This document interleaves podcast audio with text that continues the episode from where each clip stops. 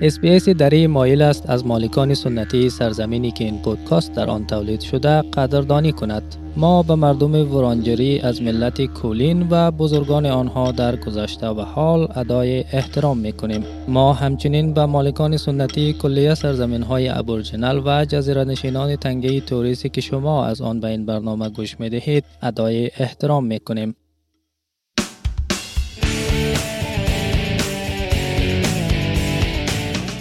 سلام من سام انوری از مجموعه پودکاست روزانه به استرالیا هستم و امروز به دنیای هنر و فرهنگ غنی استرالیایی سر می‌زنیم. به مشهورترین جاذبه های فرهنگی و هنری استرالیا از جمله هنر بومی، موسیقی، نقاشی و موضوعات دیگر نگاه می‌کنیم و تفاوت های هنر و فرهنگ استرالیا را با حوزه فرهنگی خودمان مقایسه می‌کنیم.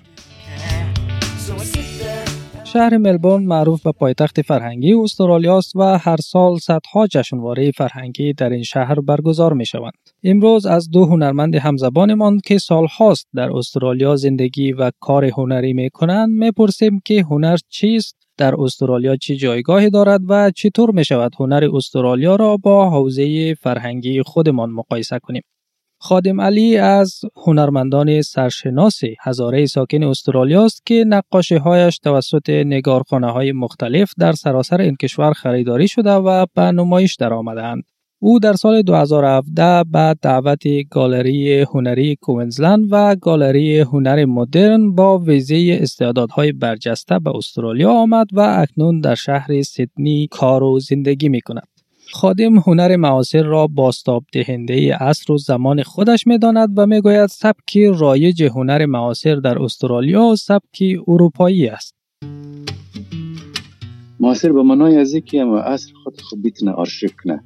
هنر معاصر در استرالیا استرالیا یک تمدن خیلی قدیمی است که مربوط خود بومی بومی های استرالیا میشن و یک هنری که کسایی که از بیرون به قاره آمده اونای هنر خود خوردن بیشتر هنرهایی که در سبک اروپایی مروج است او خود خوردن و همو بیشتر در اینج مروج است و به خاطر که خیلی multicultural است خیلی زیاد هنرمندای چینایی و آسیایی و هندی و اروپایی ها اینجا یک, یک هنر مخلوط از خود ایجاد کردن و خیلی نزدیک د امی سبکی بین المللی که میالی در تمرین میشه یا در practice میشه اما خادم خودش علاقه خاصی به هنر معاصر بومیان استرالیا دارد و می‌گوید ارتباط هنرمندان بومی با طبیعت و آب و خاک این سرزمین به آنها فرصت بالندگی بیشتری می‌دهد. البته ما خودم زیاد طرفدار هنری معاصر بومی هستم که اگر اینا را بیشتر یک راه داده شوه بیشتر اینا را فضا داده شوه اینا بیشتر یعنی فضای رشد اینجا خیلی زیاد است و به خاطر از این فضای رشد هنرهای بومی استرالیایی ها خیلی زیاد است. خاطر که اینا به می اطراف خو به می طبیعت یک ربط داره و نمو ربط را اینا داره. روی کار می‌کنه و بیشتر اکسنس جور می‌کنه اره گفته می‌تونیم که یک نوع هویتی از می زمین است و یک نوع هویت مردم از می زمین است یک نوع زبان از می زمین است یک نوع زبانی ویژوال از می زمین است و رنگایش از از می زمین گرفته شده رنگای طبیعی هستند و, و بسته و لندسکیپ که روی از نقاشی هستند و اون شکل زمین زمین است و و به همین ترتیب علاقه فراوانی به چند تن از هنرمندان بومی استرالیا دارد و می‌گوید آنها تاثیر خاصی روی سبک کاری خودش هم داشتند.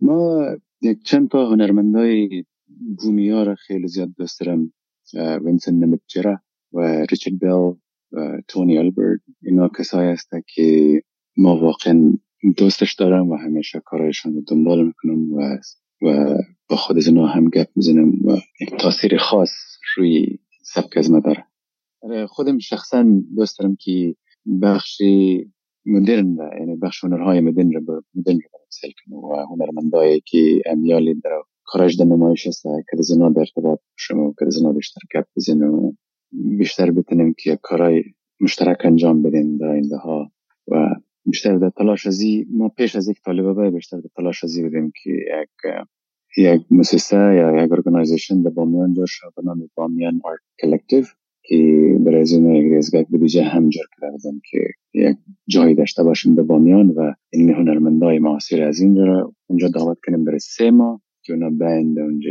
بامیان بمانن سه ماه و آثاری اونجا تخلیق کنن و از اونجا بیارن. اونجا در نمایش بگذاره و یک اکسچنج فرهنگی باشد اینجا او می‌گوید که در استرالیا برای هر گونه سلیقه گالری و موزیم هست و هر کدام آنها هم بخش خاصی مربوط به هنر و آثار هنری بومیان دارند.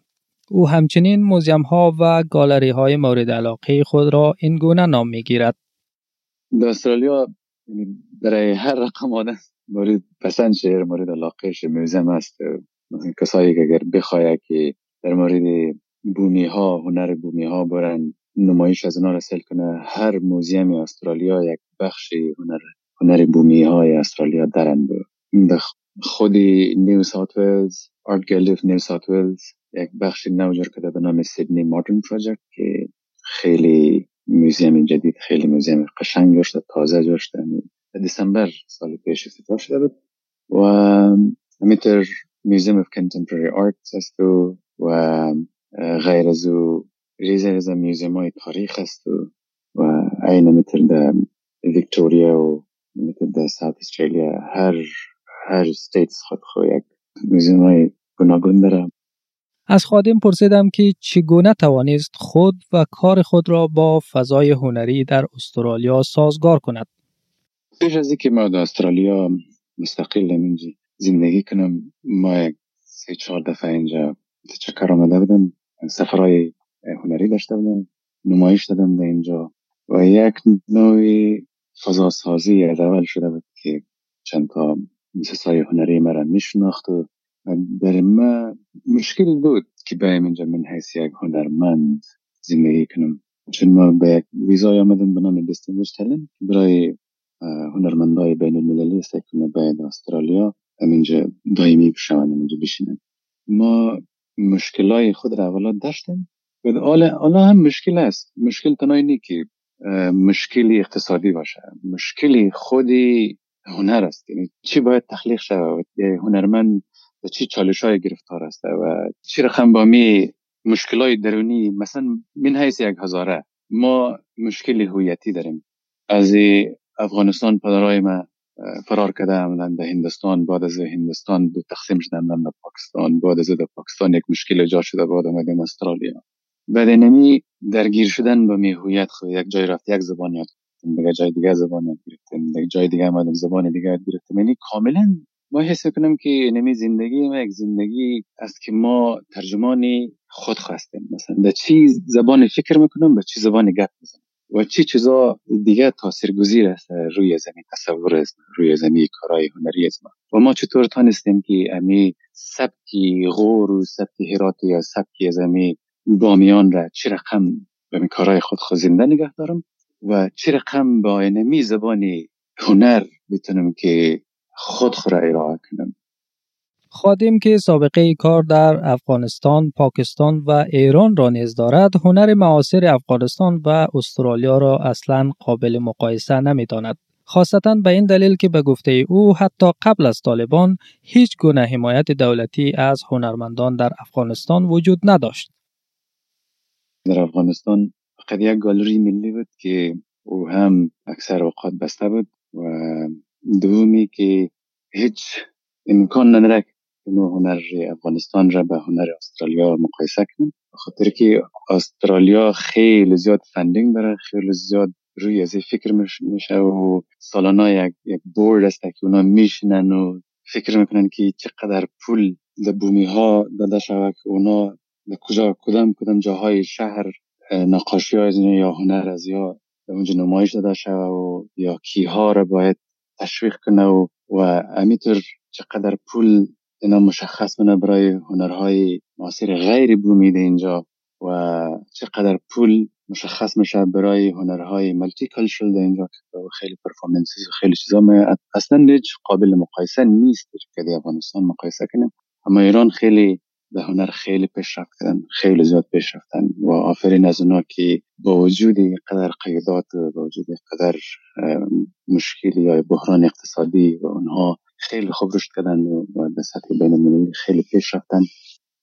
ما گفتن که در 20 سال اخیر پیش از طالبا هنر به شکل طبیعی چون مردم یک, یک حس هنری داشته و اون هنر یک نوعی بیرون آمده از بین مردم. خیلی به شکل طبیعی بیرون آمده. بدون کدام حمایت دولتی و بدون کدام حمایت بین المللی و اینا تانستن که پیش بیارن و اونا را هم قابل تشویق هستن و خیلی خوب کار کردن. اما قابل مقایسه از خاطر نیست که اینجا بودیجهش خیلی زیاد هست. نه تنها بودیجهش و یک شعوری هنر هم اینجا خیلی زیاد وجود داره. مردم جامعه را از هنر جدا نمی‌تونه یعنی هنر در بین جامعه یک حکمی مادری داره. یک, یک حکمی تحلیلی داره. مثلا خودشان تحلیل می‌کنه. یک self realization است.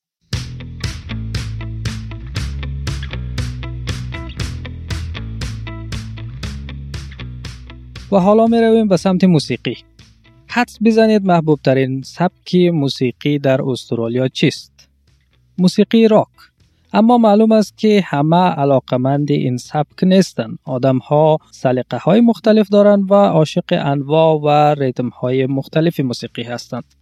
استرالیایی ها خاصتا دوست دارند در جشنواره ها و کنسرت های زنده موسیقی شرکت کنند و به همین دلیل است که هر سال در این کشور صدها برنامه موسیقی برگزار می شوند. از طاهر خاوری آهنگساز و آوازخان مشهور ساکن استرالیا در مورد خوراک موسیقی استرالیایی ها میشنویم.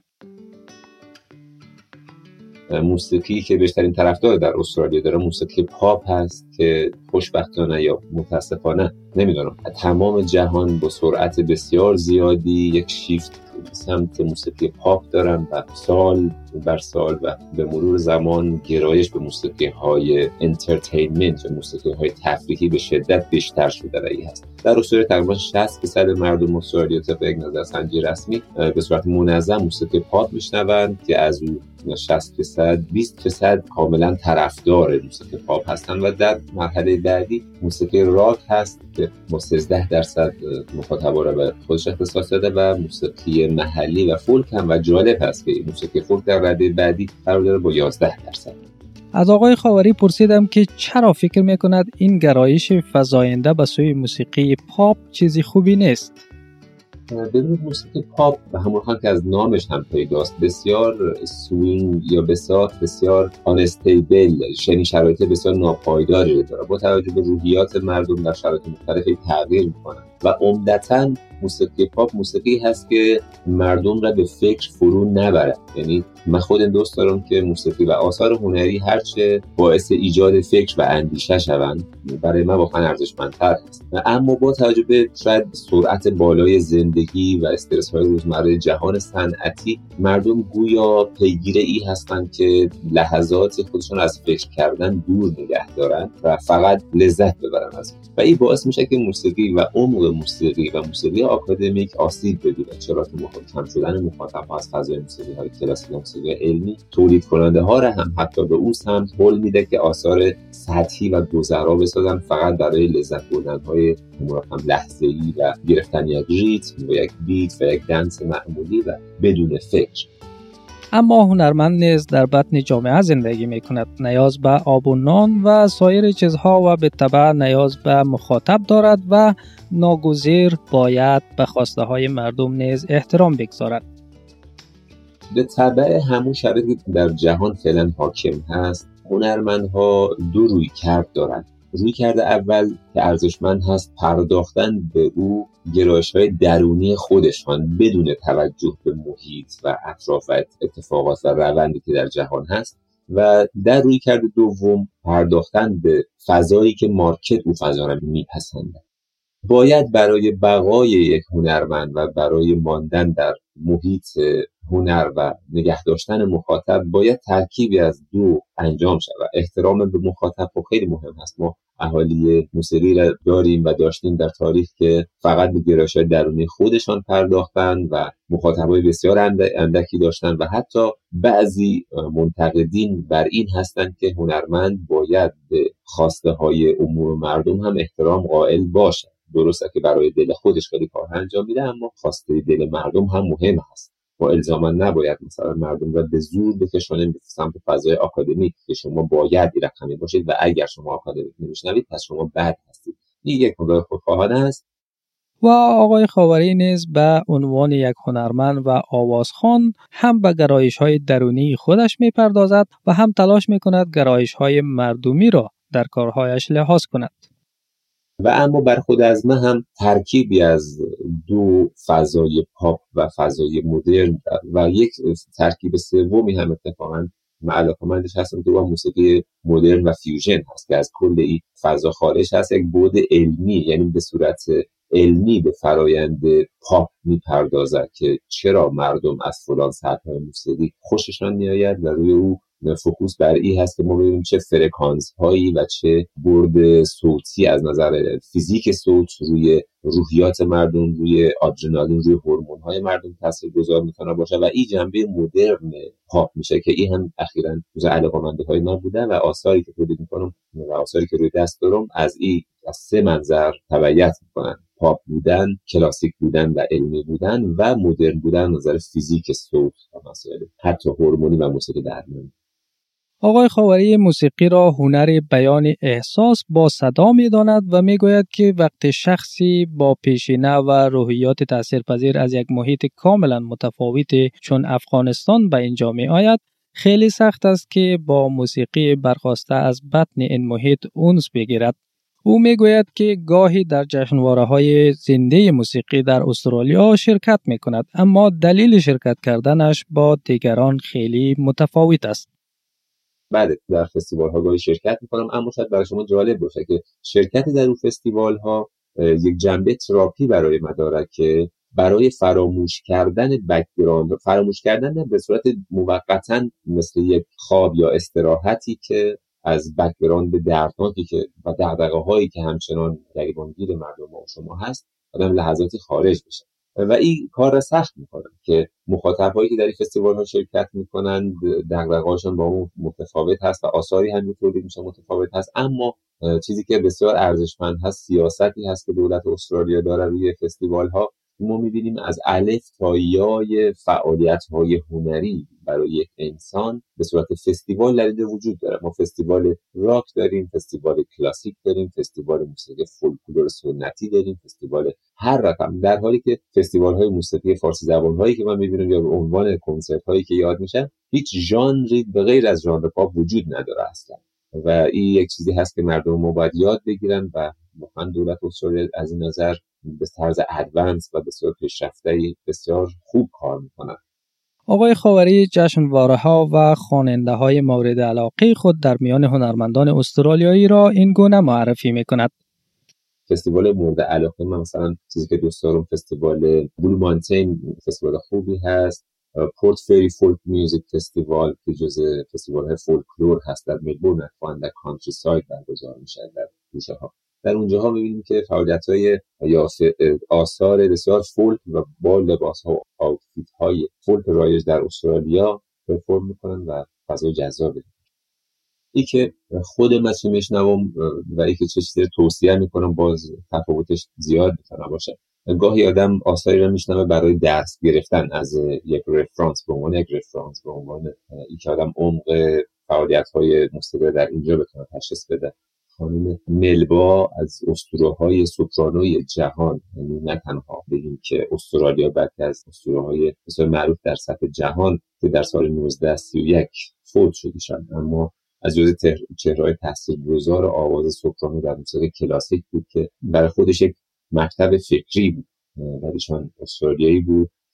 در نوازنده ها مثلا الیزابت والفیش ایشان از یکی از بهترین نوازنده های ویولون جهان هست که اگر کسایی دوست داشته باشن آثار سولو ویولون بشنون ایشان انگشت بسیار عجیب غریب و خارق العاده از موسیقی های پاپ هم که خب چیزی که برای جوان ها و نسل جوان به شدت این روزها با توجه رشد سرعت با سریع شبکه های مجازی که تاثیر عجیبی روی ترند شدن آثار موسیقیایی دارن سیا یک خواننده پاپی هست که استرالیایی هستشون و جزو فعلا تاپ های جهان هست. نه تنها از نظر مخاطب بلکه خود من فقط دور از همه هواشی که ایشان دارن خلاقیت و او استقلالی که در ملودی سازی و نوع اجرا دارن برای من واقعا ارزشمند هست. از درون هنری خودش نشأت گرفته هست. و از آقای خاوری پرسیدم که به نظر او چطور می توانیم موسیقی افغانستان را با موسیقی استرالیا مقایسه کنیم؟ مقایسه بسیار سختی هست. ما خیلی خوب برای بحث حساسی هست ما یک رقم صحبت بکنیم که هم خود کمبینی و تبعیض قائل نشیم و هم ای که بیشتر ای که درس هایی را بگیریم نکات مثبتی را که داریم خلاصه بخوام عرض بکنم موسیقی ما نشأت گرفته از روحیات مردم که البته این نشأت گرفتن موسیقی از روحیات مردم تنها مخصوص افغانستان و اینها نیست این در کل جهان هست. استرالیا با توجه به شرایط امنی را که خب سالهای سال داشته شرایط پرتشنجی را برای عموم مردم و عموم جامعه نداشتن خیلی خوب به نیازهای ثانویه انسان می‌پردازند و ما هنوز در نیازهای اولیه بند ماندیم چرا که مردم نیازهای اولیه همون نیازهای غذا و خوراک و هوا و آب و نان اینها ما چون هنوز در این دغدغه هستیم نگران جابجایی مردم از مناطق مختلف نگران حتی زبانی که ما و شما صحبت می‌کنیم فعلا در کشور مبدع ما و شما همین زبان فعلا در حال حذف شدن هست یعنی به صورت سیستماتیک علیهش مبارزه. حالا نمی‌خوام حرف سیاسی بزنم ولی به حال چیزی هست که در درون ما هست مثل موسیقی ما بالاخره از زبان ما هم خارج میشه. ما با این دغدغه ها تنها استفاده ای که می‌تونیم از موسیقی و سیاست های موسیقی در استرالیا داشته باشیم این هست که روحمان را گاهی بتوانیم برای درمان به فضایی بسپاریم که او فضا او دغدغه ها را نداره یک جنبه مثبت فستیوال های موسیقی استرالیایی می‌تونه باشد که ما ببینید با توجه به تنشن ها و استرس های مزمنی که برای مردم و شما و اهالی هنر و مخصوصا کسایی که موسیقی دوست دارن روحیات بسیار حساس تری را دارن به مراتب آسیب پذیرتر هستند نسبت به اتفاقات داخل آسیب بیشتری رو بگیرن برای که ما خود حداقل فعلا یکی از بهترین راه حل ها برای نجات زبان فارسی یا موسیقی و غیره ای هست که روحیات اهالی هنر و شنونده هایی که موسیقی را علاقه من هستن روحیات خودشان فعلا حفظ بکنن. و یکی از راه های برون رفت از این شرایط بحرانی هست که به صورت گذرا موسیقی های رایج در اینجا و فستیوال های رایج در استرالیا رو مردم توجه بکنن. از این طرف دیگه هم نحوه ارتباط گیری و communication با نوازنده ها و musician های استرالیایی برای هموطن های ما. باز هم یک ارزش خیلی زیادی را داره که ما واقعا توصیه می‌کنم به اهالی هنر که بتانن یک connection هایی را ایجاد بکنن برای تولید آثار میکس آثاری که ترکیبی از موسیقی استرالیایی باشه و موسیقی افغانستان. فواید بسیار زیادی هم از نظر مسائل فرهنگی و حتی هم از نظر مسائل سیاسی خواهد موسیقی در میان مردمان ابوریجینال و جزیره نشینان تنگه توریس ریشه دیری ندارد. این مردمان هزاران سال است که با ترانه های فولکلور، رقص و آلات مختلف دستساخته خودشان موسیقی تولید کردند. یکی از سازهای معروف بومیان استرالیا که شاید زیاد دیده باشید دیجریدو است. اما جالب است بدانید که این کلمه یک نام بومی نیست و توسط دیگران بر این آله موسیقی بومی گذاشته شده است. های زیادی در قسمت شمالی سرزمین اصلی استرالیا جایی که این ساز از آنجا آمده وجود دارند. یکی از این ها ییداکی است که ریشه در زبان یولنو ماتا دارد که متعلق به مردم یولنو در شمال غرب آرناملند در قسمت شمالی استرالیا است. یداکی یک ساز چوبی رنگ دراز و میانخالی است که با تنفس حلقه‌ای توسط دهان نواخته می شود. چوب دست یا کلپستیک یکی دیگر از آلات مشهوری موسیقی مردم بومی است که گاهی اوقات به شکل بسیار هنرمندانه تزیین می شوند. تیم جان ادوارد گری مرد بومی متعلق به توایف گمباینگیر و جوری بیچیگال و خواننده اصلی گروه موسیقی گرین هند است. او یکی دیگر از آلات موسیقی بومیان استرالیا را معرفی می کند. در سواحل جنوب شرقی استرالیا در منطقه سیدنی به ویژه بین مردم کمریال تبل پست پاسوم را داریم. تبل های پست پاسوم توسط زنان در مراسم خودشان استفاده می شوند. ما همچنین چوب دست ها را داریم. چوب دست ها را می شود از اکثر چوب های سخت ساخت. در منطقه سیدنی می توانید چوب دست ها را از بانکسیا یعنی درخت بانکسیا بسازید. صدای خیلی خوبی می دهد یا می توانید از درخت کاسورینا بسازید. برخی اوقات چوب دستی ها را به طرز بسیار هنرمندانه ظریف کاری می کنند. تیم می گوید موسیقی که با سازهای بومیان ساخته می شود صدای برای مادر زمین تولید می کند.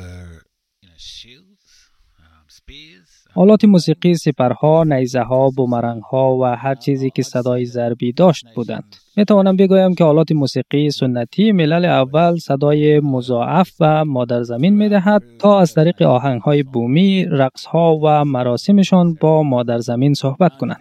رقص ها و آوازهایی که ما به طور سنتی اجرا می کنیم چیزی است که به آن خطوط آوازی می گوییم. در آنها همیشه چیزی در زندگیمان را توصیف می کنیم. چیزی را از خلقت توصیف می کنیم. این را توصیف می کنیم که کوه ها چگونه ساخته شده اند و درباره روحیات خالق خود صحبت می کنیم. از طریق رقص بود که توانستیم آن داستان ها را برای هزاران سال زنده نگه داریم. فرهنگ آمیانه استرالیا جنبه های بسیار زیادی دارد و هر کس می تواند چیزی را که به آن علاقه دارد در میان آن جستجو کند.